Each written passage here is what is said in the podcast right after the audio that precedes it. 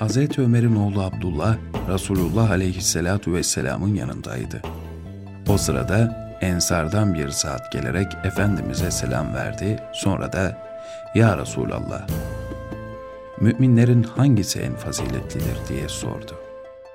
Peygamber Efendimiz, ''Huca en iyisidir.'' buyurdu.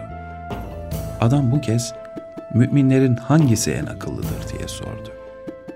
Peygamber Efendimiz şu cevabı verdi.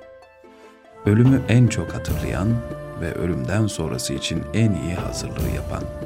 İşte bunlar en akıllı kimselerdir.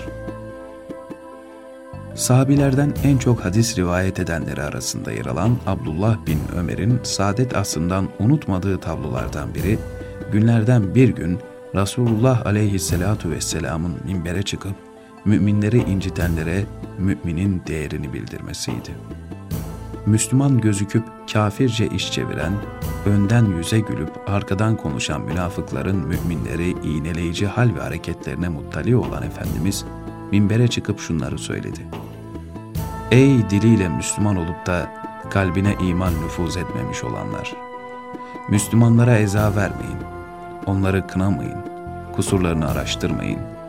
Zira kim Müslüman kardeşinin kusurunu araştırırsa, Allah da kendisinin kusurlarını araştırır. Allah kimin kusurunu araştırırsa da, onu evinin içinde bile olsa rezil rüsva eder.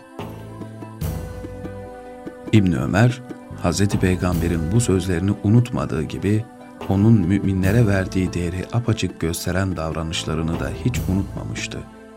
O yüzden sonraki nesiller bu nebevi dersin ışığında onun Kabe'ye bakıp şu sözleri söylediğini göreceklerdi. Ey Kabe! Şanın ne kadar büyük, hürmetin ne kadar yüce. Fakat müminin Allah yanındaki hürmeti senden de yüce.''